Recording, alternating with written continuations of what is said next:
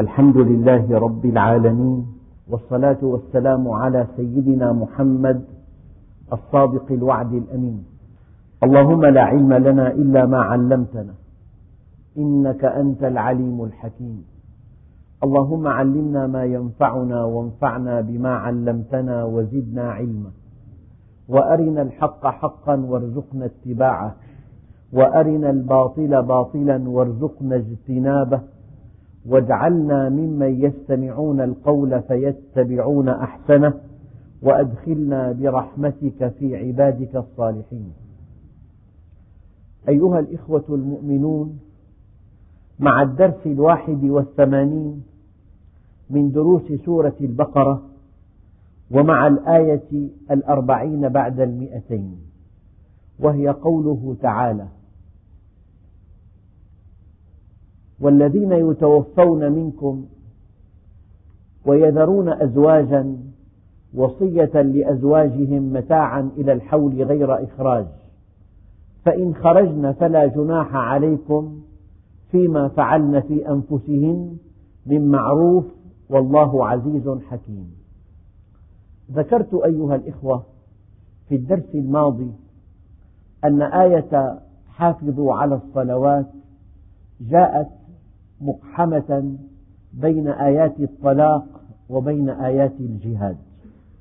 وبينت أن الالتزام بأحكام الشريعة وهو أدنى تصرف إسلامي وبين بذل النفس وما يتبعها من غال ورخيص يحتاج إلى اتصال بالله عز وجل. لأن, لأن الاتصال بالله عز وجل هو الطاقة التي تمدك بقوة لا حدود لها. تمدك بحماس لا نهاية له. تمدك بسعادة لا توصف. لذلك كان عليه الصلاة والسلام يقول أرحنا بها يا بلال. الآية التي جاءت بعد آية الصلاة والذين يتوفون منكم. يعني رجل توفي وله زوجة ويذرون أزواجا وصية لأزواجهم يعني إذا اقترب أجلهم إذا حضرتهم الوفاة إذا شعروا بذنوب أجلهم عليهم أن يوصوا أن تبقى زوجتهم أو أزواجهم في بيوتهن حولا كاملا. مع الإنفاق والسكنى والذين يتوفون منكم ويذرون أزواجا وصية لأزواجهم متاعا إلى الحول إلى نهاية العام غير إخراج. فإن خرجن فلا جناح عليكم فيما فعلن في أنفسهن من معروف والله عزيز حكيم. قبل أن نمضي في شرح هذه الآية هناك آية أخرى. والذين يتوفون منكم ويذرون أزواجا يتربصن بأنفسهن أربعة أشهر وعشرة. الجمع بين الآيتين على النحو التالي. المرأة عليها أن تعتد ببيت زوجها وأن ينفق عليها هي وأولادها أربعة أشهر وعشرة على وجه الإلزام. لعله لم يأتي خاطب لعل أهلها مسافرون. يجب أن تبقى في بيت زوجها إلى نهاية العام. تسكن وينفق عليها. ففي عنا عدة المتوفى عنها زوجها أربعة أشهر وعشر. هذه عدة إلزامية. أما الإحسان أن يوصي الزوج أن تبقى زوجته في بيته وأن ينفق عليها إلى العام إلى نهاية العام. قال والذين يتوفون منكم ويذرون أزواجا وصية لأزواجهم متاعا ينبغي أن تمتع أن تسكن في هذا البيت وأن تأكل وتشرب أن تبقى فيه إلزاما أربعة أشهر وعشر وأن تبقى فيه اختيارا إلى نهاية العام مع الإنفاق عليها. متاعا إلى الحول غير إخراج دون أن تخرج من بيت زوجها بعد موته. فإن خرجنا إذا خرجت من تلقاء نفسها مختارة وقد خطبها خاطب قال فلا جناح عليكم فيما فعلن في أنفسهن من معروف.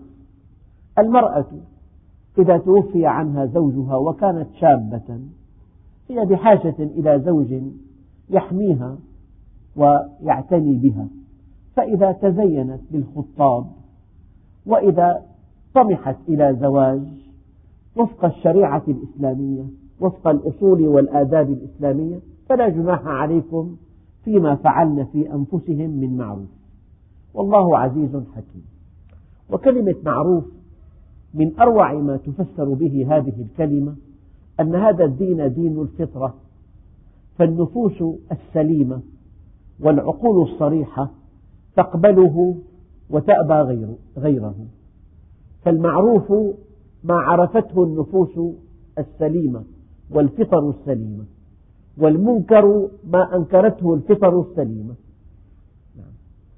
طبعا استطرادا هناك بعض المحاكم في بلاد الغرب يعتمدون على الفطرة على الفطرة السليمة فيأخذون من عرض الطريق مجموعة من الأشخاص يعرضون عليهم وقائع جريمة. هؤلاء غير منحازين ليس لهم مصلحة لا في إدانة المذنب ولا في تبرئته ينطقون بشكل عفوي النطق الذي ينبغي أن يكون. فلذلك المعروف ما عرفته الفطر السليمة والمنكر ما أنكرته الفطر السليمة. يعني الفتاة حينما تعتني بهندامها وتعتني بمظهرها لمن يخطبها هذا شيء طبيعي هذا مركب في أصل فطرتها. فالمرأة إذا كانت مرأة صالحة وفية وتوفي زوجها وهي في مقتبل العمر وأمضت العدة الشرعية في بيت زوجها ثم أرادت أن تنتقل إلى بيت أهلها لتستقبل الخطاب مثلا. لا جناح عليكم فيما فعلن في أنفسهن من معروف. والله عزيز حكيم. قال وللمطلقات متاع بالمعروف حقا على المتقين. يعني المرأة التي طلقت هذه فقدت أعظم شيء في حياتها زوجها. فهذا الزوج فضلا عن إعطائها المهر وعن تسريحها بإحسان ينبغي أن يمتعها. قال بعض الفقهاء أن يمتعها بنصف مهرها إكراما لها تعويضا عن فقد الزوج. يعني هذا شيء الآن يبدو خيالي. حينما يزمع الرجل أن يطلق زوجته تنشأ الخصومات وتتراشق التهم وكل طرف يجعل الطرف الآخر في, في الوحل ويتكلم في عرض المرأة ويتكلم في بخل الزوج. وتجري هذه القصص إلى بشكل غير معقول. أما لو كان هناك طلاق إسلامي يعني انقطعت المصلحة بين الزوجين فقال تعالى إمساك بمعروف أو تسريح بإحسان. التسريح بالإحسان هو أن تعطيها مهرها كاملا وأن تعطيها نصف مهرها متاعا من باب الإحسان. لذلك يقول الله عز وجل وللمطلقات متاع بالمعروف حقا على المتقين الذي يتقي الله عز وجل والذي يخشى اليوم الآخر والذي أودع الله في قلبه رحمة تجاه المرأة انقطعت المصلحة بينهما وكان الطلاق أولى لا ينبغي أن ينشر عرضها على الملأ. لا ينبغي أن يذكر ما ليس فيها من عيوب من أجل أن يبرر عمله. الطلاق التسريح بالإحسان ينبغي أن تسرحها سراحا جميلا وأن تصمت عن عيوبها. يعني هذه طرفة. قيل لإنسان عنده زوجة سيئة جدا. ألا تطلقها؟ قال والله لا أطلقها فأغش بها المسلمين. نعم. على كل وللمطلقات متاع بالمعروف حقا على المتقين. يروى أن امرأة فرق شريح بينها وبين زوجها فلما طالبه بأن يمتعها قالت ليس عليه متاع لأن, لأن هذا المتاع حق على المحسنين وحق على المتقين وهو ليس كذلك. نعم. على كل يقول الله عز وجل كذلك يبين الله لكم آياته لعلكم تعقلون. أحكام الشريعة تحتاج إلى إيمان تحتاج إلى إنسان يعرف الواحد الديان تحتاج إلى إنسان يخشى اليوم الآخر. فلذلك الإنسان قد يتخلى عن بعض حقوقه خوفا من الله عز وجل. أما المنافق إذا خاصم فجر. والذي نراه رأي العين أنه إذا نشبت مشكلة بين زوجين واقترب الأمر من الطلاق كل طرف يبالغ في الحديث عن الطرف الآخر إلى درجة أنك تتوهم أن الطرف الآخر يعني سيء إلى أبعد الحدود. والأمر ليس كذلك. والذين يتوفون منكم ويذرون أزواجا وصية لأزواجهم متاعا إلى الحول غير إخراج. فإن خرجنا بعد أربعة الأشهر والعشر الأربعة أشهر والعشر عدة إلزامية. بعد هذا الوقت عدة اختيارية. فإذا رأت الزوجة التي توفي عنها زوجها أنها بحاجة إلى من يخطبها وانتقلت إلى بيت أهلها فإن خرجن من تلقاء أنفسهن فلا جناح عليكم فيما فعلن في أنفسهن من معروف والله عزيز حكيم.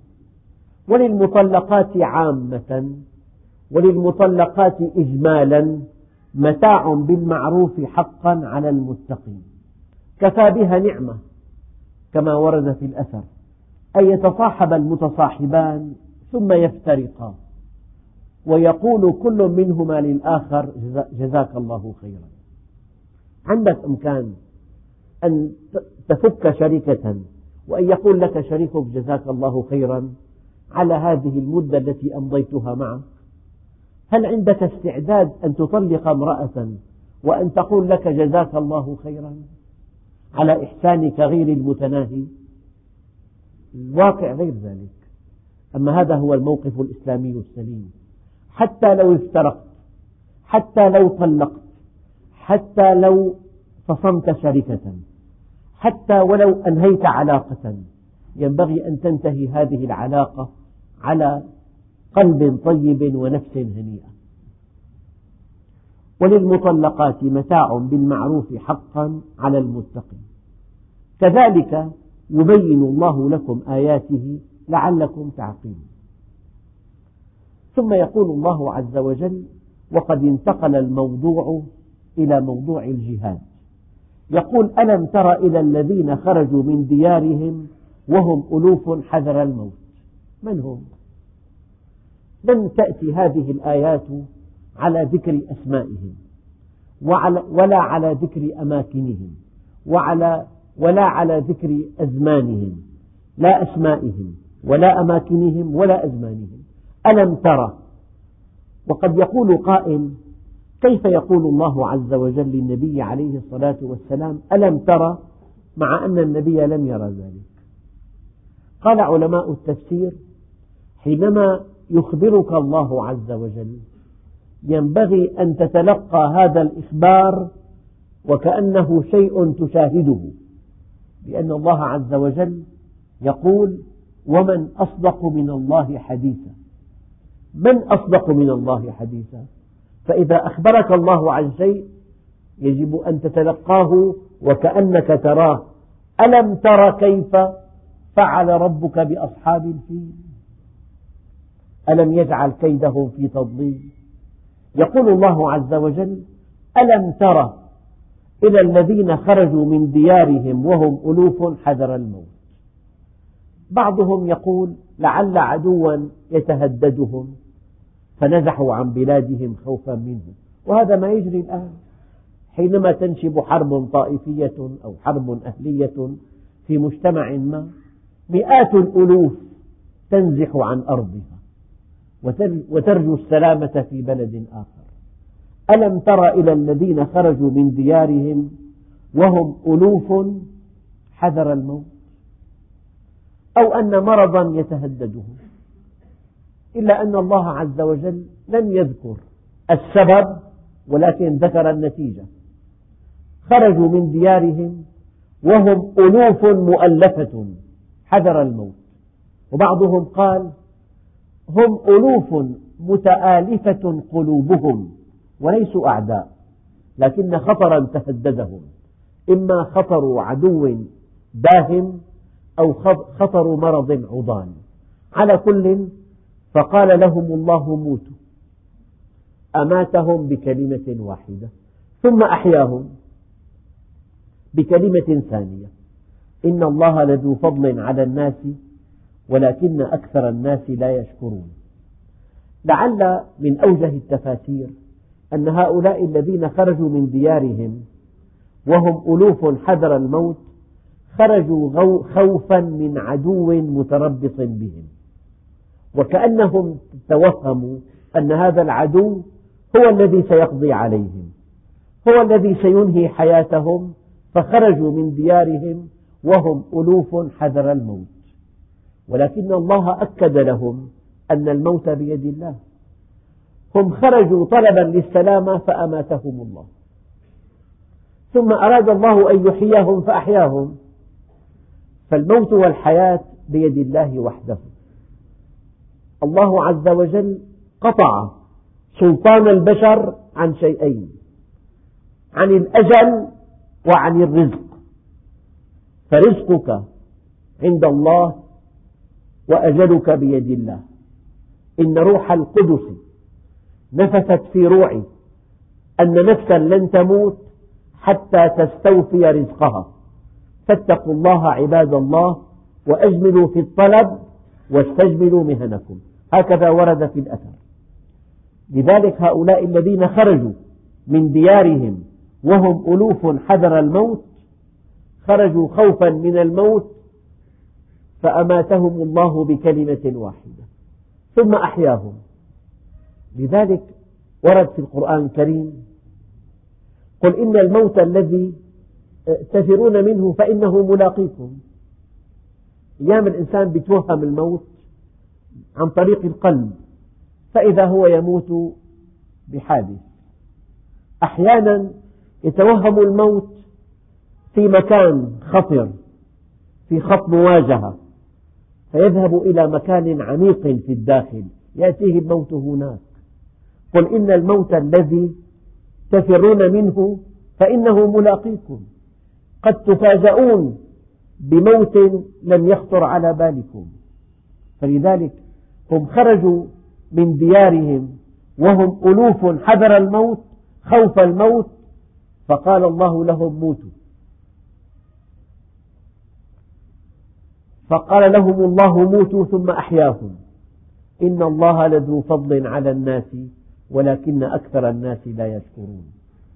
من أعظم فضل الله علينا أن حياتنا بيد الله وأن رزقنا بيد الله وأن يد البشر مقطوعة عن أن تتحكم بأرزاق العباد وعن أن تتحكم بآجالهم. ولو بدا ذلك للسذج من الناس أو لضعاف العقول أو لضعاف الإيمان أن زيدا أو عبيدا بيده الرزق الوفير أو القليل وبيده الحياة أو الموت. إن الله لذو فضل على الناس. يعني ما أمرك أن تعبده إلا وقد طمأنك أن أمرك كله إليه. إليه يرجع الأمر كله فاعبده. لا يعقل أن يأمرك أن تعبده وأمرك ليس بيد الله بيد زيد أو عبيد. إذا كان أمرك بيد زيد أو عبيد كيف يقول الله لك؟ إليه يرجع الأمر كله فاعبده وتوكل عليه. من أجل النعم أن أمر الحياة والموت بيد الله عز وجل. يحيي ويميت. وأن أمر الرزق بيد الله عز وجل. وقد قيل كلمة الحق لا تقطع رزقا ولا تقرب أجلا. لكن ضعف الإيمان وضعف الإدراك والبعد عن جوهر هذا الدين يلقيان في القلب الخوف والهلع. ثم يقول الله عز وجل وقاتلوا في سبيل الله. واعلموا أن الله سميع عليم. يعني كنت أقول لكم دائما هناك جهاد النفس والهوى. وهذا الجهاد جهاد النفس والهوى هو الجهاد الأول. لأن المهزوم أمام نفسه لا يمكن أن يبذل لا من ماله ولا من صحة ولا من حياته. لا بد من أن تعرف الله. لا بد من أن تجاهد نفسك كي تعرف الله وكي تطيعه. إذا جاهدت نفسك وهواك عندك جهاد دعوي وهذا الجهاد الدعوي متاح والحمد لله في معظم البلاد الإسلامية. الجهاد الدعوي قال تعالى وجاهدهم به جهادا كبيرا. وقد سماه جهادا كبيرا. أما حينما تكون قويا وتستطيع عن طريق الجهاد القتالي أن تنشر هذا الدين في الآفاق وأن تكون في أعلى مستوى من القدوة الحسنة عندئذ يتوجب الجهاد القتالي. وقاتلوا في سبيل الله. ويجب أن تقاتل لتكون كلمة الله هي العليا. فمن قاتل لتكون كلمة الله هي العليا فهو في سبيل الله. واعلموا أن الله سميع عليم. قل ما شئت يسمعك. لكن لو قلت كلاما طيبا ولم تكن أنت كذلك فإن الله عليم بما في الصدور. لا تخفى عليه خافية. إن الله سميع عليم. ثم ودققوا في هذه الآية. يقول الله عز وجل من ذا الذي يقرض الله قرضا حسنا. ذات الله العلية جعلها ربنا جل جلاله في موطن أن تقرضه. إنك إن فعلت خيرا مع عباده فكأنما أقرضته قرضا حسنا. إن أعنت الناس إن يسرت على معسرهم إن كشفت عن كربتهم إن نفست عن كربهم إن أفرجت عن أسيرهم إن أعطيت فقيرهم إن عالجت مريضهم إن فعلت خيرا تجاه عبد من عبيد الله أو تجاه عبد من عباد الله فإن هذا العمل الطيب هو قرض إلى الله عز وجل. وسوف تأخذه أضعافا مضاعفة. هذا المعنى يؤكده الحديث القدسي الصحيح. يا داود مرضت فلم تعدني. قال يا رب كيف أعودك وأنت رب العالمين؟ قال مرض عبدي فلان فلم تعده. أما علمت أنك لو عدته لوجدتني عنده. يا داود استطعمتك فلم تطعمني. قال كيف أطعمك وأنت رب العالمين؟ قال استطعمك عبدي فلان فلم تطعمه. أما علمت أنك لو أطعمته لوجدت ذلك عندي. إلى آخر الحديث. هذا المعنى أيها الإخوة. لو تأملناه تأملا دقيقا لذابت نفوسنا. خالق السماوات والأرض الذات الكاملة. يقول لك إذا أحسنت إلى عبد من عبادي كائنا من كان. أو إذا أحسنت إلى مخلوق من مخلوقاتي كائنا من كان فهذا قرض لي وسأؤديه لك أضعافا مضاعفة. هذا المعنى أيها الإخوة لو تمثلناه لانطلقنا في خدمة الخلق. أي إنسان إياك أن تسأله من أين أنت هذا عبد لله. فيه عنده كربة. يجب أن تنفسها عنه هذا محتاج يجب أن تساعده. هذا مريض ينبغي أن تمرضه. هذا أخرق ينبغي أن ترشده. هذا جاهل ينبغي أن تعلمه. هذا منكسر ينبغي أن تجبره. هذه الأعمال الطيبة ابتسامة تلقى بها أخا كريما. مبلغ من المال تقرضه لأخ محتاج. زيارة لمريض ترفع بها معنوياته. هذه الأعمال الصالحة ومثيلاتها ومثيلاتها هي بمثابة قرض حسن لله عز وجل. وسوف يضاعفه الله لك أضعافا كثيرة. هذا معنى قوله تعالى من ذا الذي يقرض الله قرضا حسنا فيضاعفه له أضعافا كثيرة. بشكل مبسط أيها الإخوة قد تجد صديقا لك عزيزا عليك. ابنه معه وفي جيبك قطعة حلوى. إنك تقدم هذه القطعة لابنه الصغير إكراما لأبيه. قد لا تنتبه إلى الإبن بقدر ما تنتبه إلى الأب.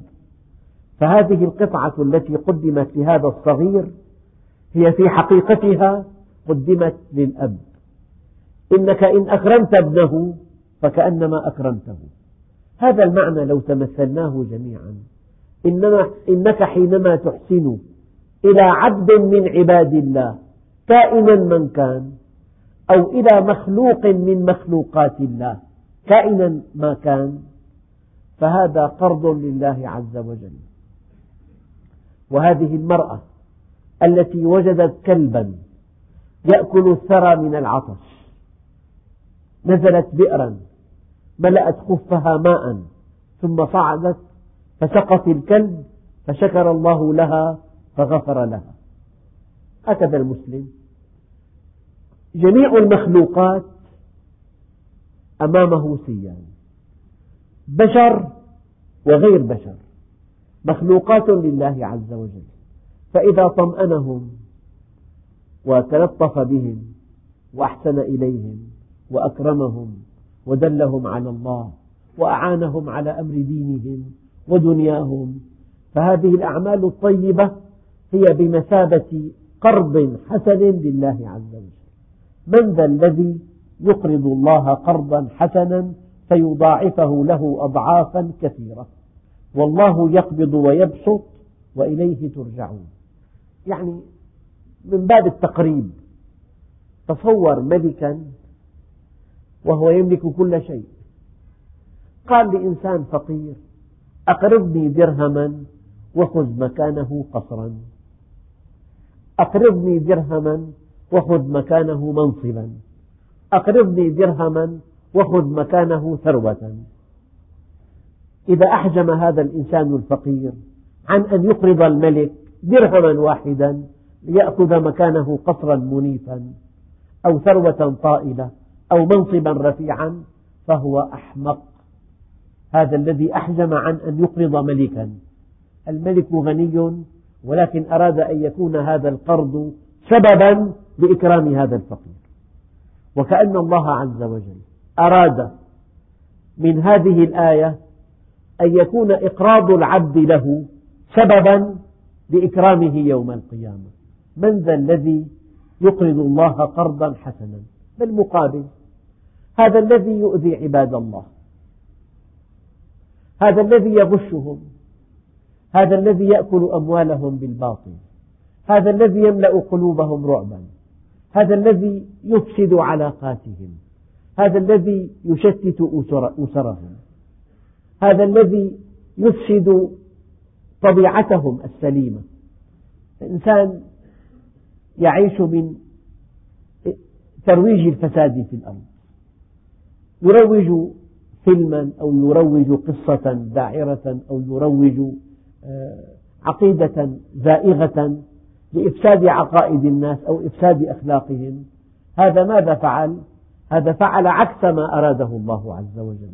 أراد الله منك أن تقرضه قرضا حسنا ليضاعفه لك أضعافا كثيرة.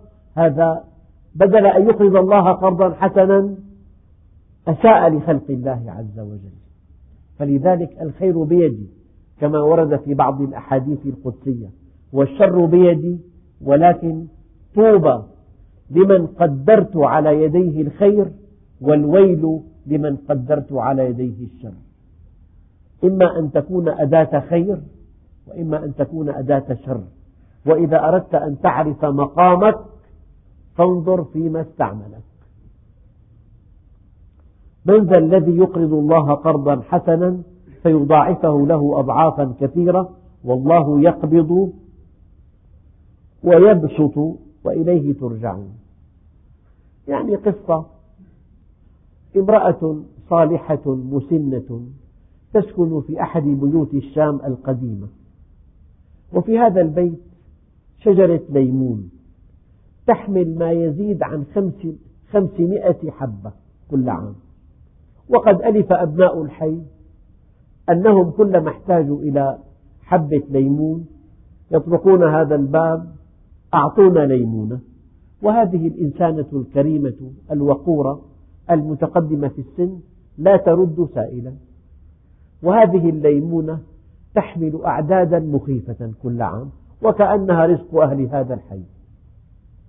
ماتت سيدة هذا البيت وكانت زوجة ابنها شابة جاهلة رعناء فلما طرق الباب أول مرة بطلب ليمونة ردتهم وطردتهم وانتهى الأمر.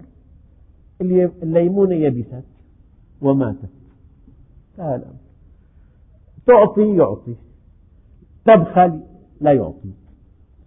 فأنت حينما تتعرض لسؤال واحد يسألك يجب أن تفرح لأن, لأن الله إذا أحب عبدا جعل حوائج الناس عنده. إذا أحب عبدا جعل حوائج الناس عنده.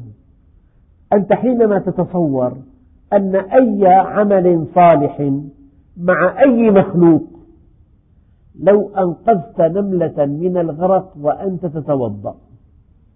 هذا قرض حسن لله عز وجل. لو أنقذت فراشة لو أزحت من, من أرض المسجد قشة وضعتها في جيبك أي عمل مهما تتصوره صغيرا هو قرض حسن لله عز وجل. وسيضاعفه لك أضعافا كثيرة ثم يقول الله عز وجل ألم تر إلى الملأ من بني إسرائيل من بعد موسى؟ إذ قالوا لنبي لهم ابعث لنا ملكا نقاتل في سبيل الله. الكلام سهل. يا أيها الذين آمنوا لم تقولون ما لا تفعلون؟ كلام سهل. يبدو أن هذا النبي الكريم كان خبيرا بهم. فقال هل عسيتم إن كتب عليكم القتال ألا تقاتلوا؟ الآن أنتم تتمنون أن تقاتلوا في سبيل الله. لو أن الله فرض عليكم القتال هل, هل ممكن ألا تقاتلوا؟ قالوا وما لنا ألا نقاتل في سبيل الله. وقد أخرجنا من ديارنا وأبنائنا. نحن مطرودون من بلادنا ونحن خسرنا أبناءنا. فلم لا نقاتل في سبيل الله؟ فلما كتب عليهم القتال تولوا إلا قليلا منهم. عند عند المحك تفتقد الرجال. عند الغنائم يجتمع الرجال. أما عند الشدائد لا ترى معك أحدا. فلما كتب عليهم القتال تولوا إلا قليلا منهم والله عليم بالظالمين. من هم الظالمون؟ الذين ظلموا أنفسهم بعدم استجابتهم لأمر ربهم. وقال لهم نبيهم إن الله قد بعث لكم طالوت ملكا. طالوت هذا اسمه. بعثه الله لهم ملكا يقود جهادهم لاسترداد أرضهم ولاسترداد كرامتهم. فقالوا ولهم مقاييس دنيوية. أنى يكون له الملك علينا ونحن أحق بالملك منه ولم يؤت سعة من المال. يعني الملك عندهم الذي يقودهم إلى الخير ينبغي أن يكون وجيها غنيا مترفا مشهورا. أما أن الله اختار لهم إنسانا فقيرا لكنه شجاع ومؤمن وقوي هذا بمقاييسهم قد رفض. أنى يكون له الملك علينا ونحن أحق بالملك منه. ولم يؤت سعة من المال. قال إن الله اصطفاه عليكم. هنا المشكلة. المشكلة أن هذا المجتمع وأي مجتمع له مقاييس. وأن الله جل جلاله عنده مقاييس.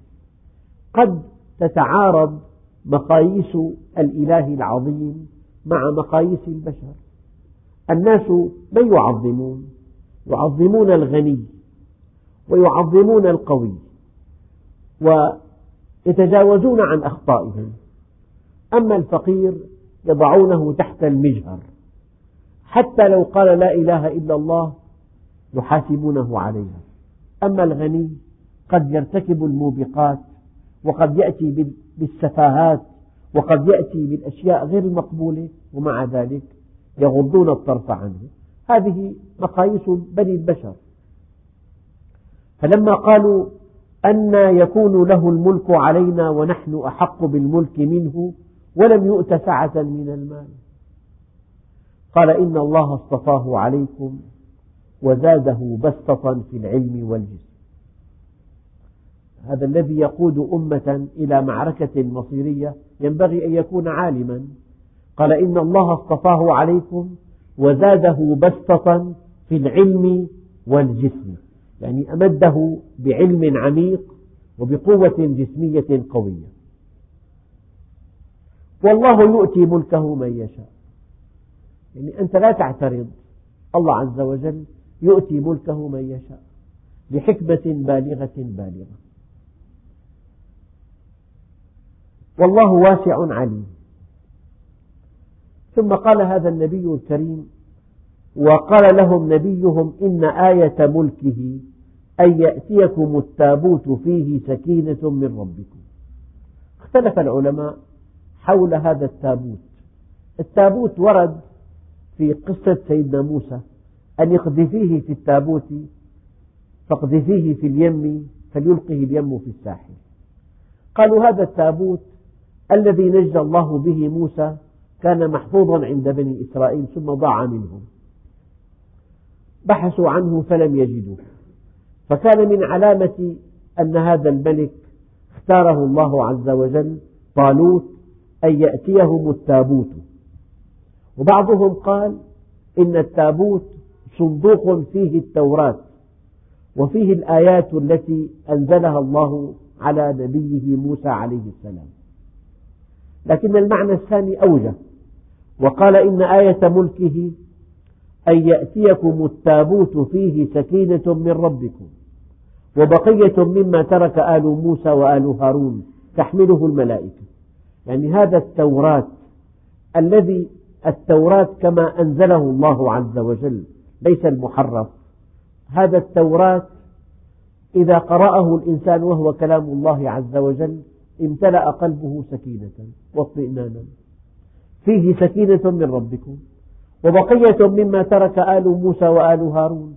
أقوال هذا النبي كيف أنه في ديننا هناك كتاب كريم هو القرآن الكريم وهناك أحاديث شريفة تبيان النبي عليه الصلاة والسلام لما في القرآن الكريم. كذلك هذا التابوت الصندوق الذي كانت فيه ألواح سيدنا موسى وما فيها من آيات محكمات. فيه سكينة من ربكم وبقية مما ترك آل موسى وآل هارون تحمله الملائكة. إن في ذلك لآية لكم إن كنتم مؤمنين. يعني علامة أن طالوت اختاره الله لكم ليقودكم في جهاد تستردون به أرضكم وكرامتكم. فلما فصل طالوت بالجنود قال إن الله مبتليكم بنهر. يعني بنهر. فيه ماء عذب. فمن شرب منه فليس مني. ومن لم يطعمه فإنه مني. إلا من اغترف غرفة بيده. طبعا إضافة إلى أن هذه الآية جزء من القصة. فيها إشارة إلى حقيقة علمية وهي أن الإنسان إذا بذل جهدا عاليا جدا عاليا جدا جدا في وقت حر شديد ثم وصل إلى ماء بارد عذب كالفرات وشرب حتى ارتوى ربما يموت من لحظته. لأن حرارة الجسم في أعلى مستوى فإذا أدخلت إلى جوفك ماء باردا فجأة. هناك عصب في المعدة اسمه العصب الحائر. هذا عصب مربوط بين المعدة والقلب. وهناك حالات كثيرة لوفاة مفاجئة تمت بسبب شرب ماء بارد جدا عقب جهد كبير جدا. هي حقيقة. هناك من يموت فجأة. هؤلاء الذين ظلوا في الصحراء. إذا وصلوا إلى ماء بارد وشربوا منه حتى ارتووا ربما أصابتهم سكتة قلبية. أي حقيقة. لكن هنا سياق الآيات. فلما فصل طالوت بالجنود قال إن الله مبتليكم بنهر. فمن شرب منه فليس مني. امتحان آخر. مع أنه حقيقة طبية. امتحان. ومن لم يطعمه فإنه مني. إلا من اغترف غرفة بيده. معنى ذلك أن الإنسان إذا بذل جهد كبير جدا وعالي جدا وكان في أعلى حالات العطش له أن يشرب يعني كمية قليلة جدا. وقد ورد عن النبي صلى الله عليه وسلم أنه قال مصوا الماء مصا ولا تعبوه عبا. فإذا شرب ما يملأ كفه ومصه مصا لعل الأمر لا يقع الخطر. فشربوا منه إلا قليلا منهم. الذين قاتلوا معه قليل من كثير. والذين امتنعوا عن شرب الماء شرب ماء النهر أيضا قليل من كثير. فلما جاوزه هو والذين آمنوا معه قالوا لا طاقة لنا اليوم بجالوت وجنوده. هنا الحقيقة. الحقيقة أن الإنسان إذا عصى أو إذا خالف يشعر بوهن في قواه. الآن لو إنسان ملتزم تماما يقوم إلى الصلاة نشيطا أما إذا سمح لنفسه أن يفعل شيئا لا يرضي الله وأذن العشاء يقوم إلى الصلاة متكاسلا. كان صار حجاب بينه وبين الله. فهؤلاء الذين عصوا أمر قائدهم وشربوا من ماء النهر لما واجهوا العدو القوي قالوا لا طاقة لنا اليوم بجالوت وجنوده. قال الذين يظنون أنهم ملاقوا الله كم من فئة قليلة غلبت فئة كثيرة بإذن الله. والله مع الصابرين. هذا ينقلنا إلى أن هناك نصر استحقاقي. لو كنتم قلة لكنكم إن كنتم مؤمنين حقا متمسكين بأهداب الشرع ملتزمين مفتقرين إلى الله عز وجل ولو كنتم قلة. لقوله تعالى كم من فئة قليلة غلبت فئة كثيرة بإذن الله. هذا هو النصر الاستحقاقي. أما حينما يقول الله عز وجل غلبت الروم في أدنى الأرض وهم من بعد غلبهم سيغلبون في بضع سنين لله الأمر من قبل ومن بعد. هذا نصر تفضلي. قد لا يستحق الرومان أن ينتصروا على الفرس. قد لا تتوافر فيهم شروط النصر ولكن حكمة الله اقتضت أن ينصر الأقل سوءا على الأكثر سوءا. هذا نصر تفضلي. وقد تستمعون إلى نصر يعني في في العصور الحديثة يشبه النصر التفضلي. قد لا يستحق المنتصر أن ينتصر إلا أن حكمة الله تقتضي أن ينتصر الأقل سوءا أن يغلب الأكثر سوءا. هذا النصر الثاني النصر التفضلي. أما النصر التكويني هذا لا علاقة له بالدين إطلاقا. طرفان بعيدان عن الله طرفان جاهلان طرفان معرضان عن الله طرفان لا يؤمنان بالله إطلاقا. هذان الطرفان ينتصر الأكثر عدة والأكثر عددا والأمضى سلاحا والأكثر دقة في الرمي والأغنى والأقوى والأعلم. فهذا عندئذ نصر تكويني لا علاقة له بالدين. لذلك قالوا المعركة بين حق بين حقين لا تكون لأن الحق لا يتعدد وبين حق وباطل لا تطول لأن الله مع الحق وبين باطلين لا تنتهي. هذا هو النصر التكويني. فأما قوله تعالى كم من فئة قليلة غلبت فئة كثيرة بإذن الله والله مع الصابرين ولما برزوا لجالوت وجنوده قالوا هؤلاء القلة القليلة قالوا أفرغ علينا صبرا وثبت أقدامنا وانصرنا على القوم الكافرين.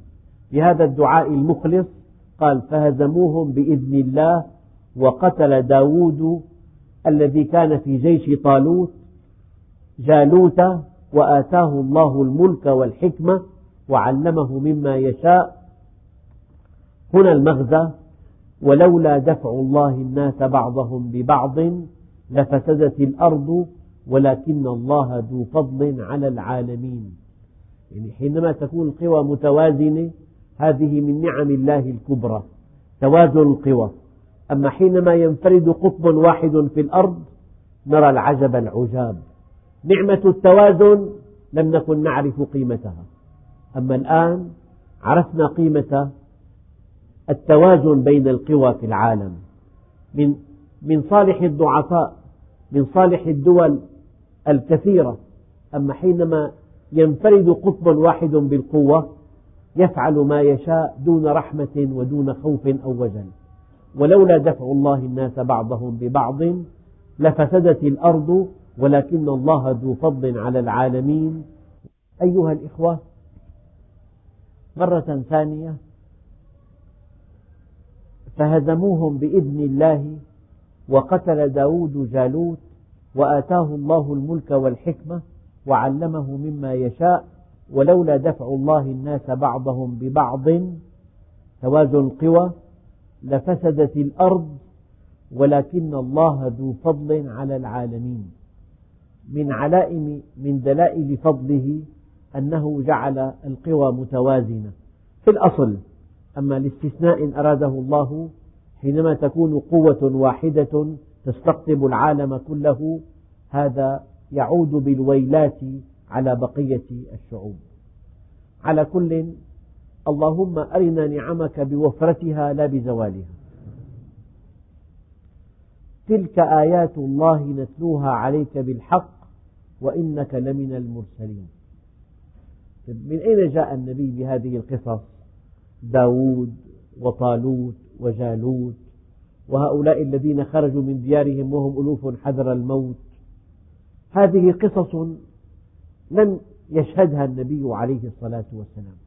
فلما جاء بها مفصلة واضحة جلية معنى ذلك هذه القصص تشهد له بالنبوة لقول الله عز وجل وما كنت لديهم إذ يلقون أقلامهم أيهم يكفل مريم وما كنت لديهم إذ يختصمون. فمن علمك هذا؟ إنه الله عز وجل. تلك آيات الله نتلوها عليك بالحق وإنك من خلالها لمن المرسلين والحمد لله رب العالمين.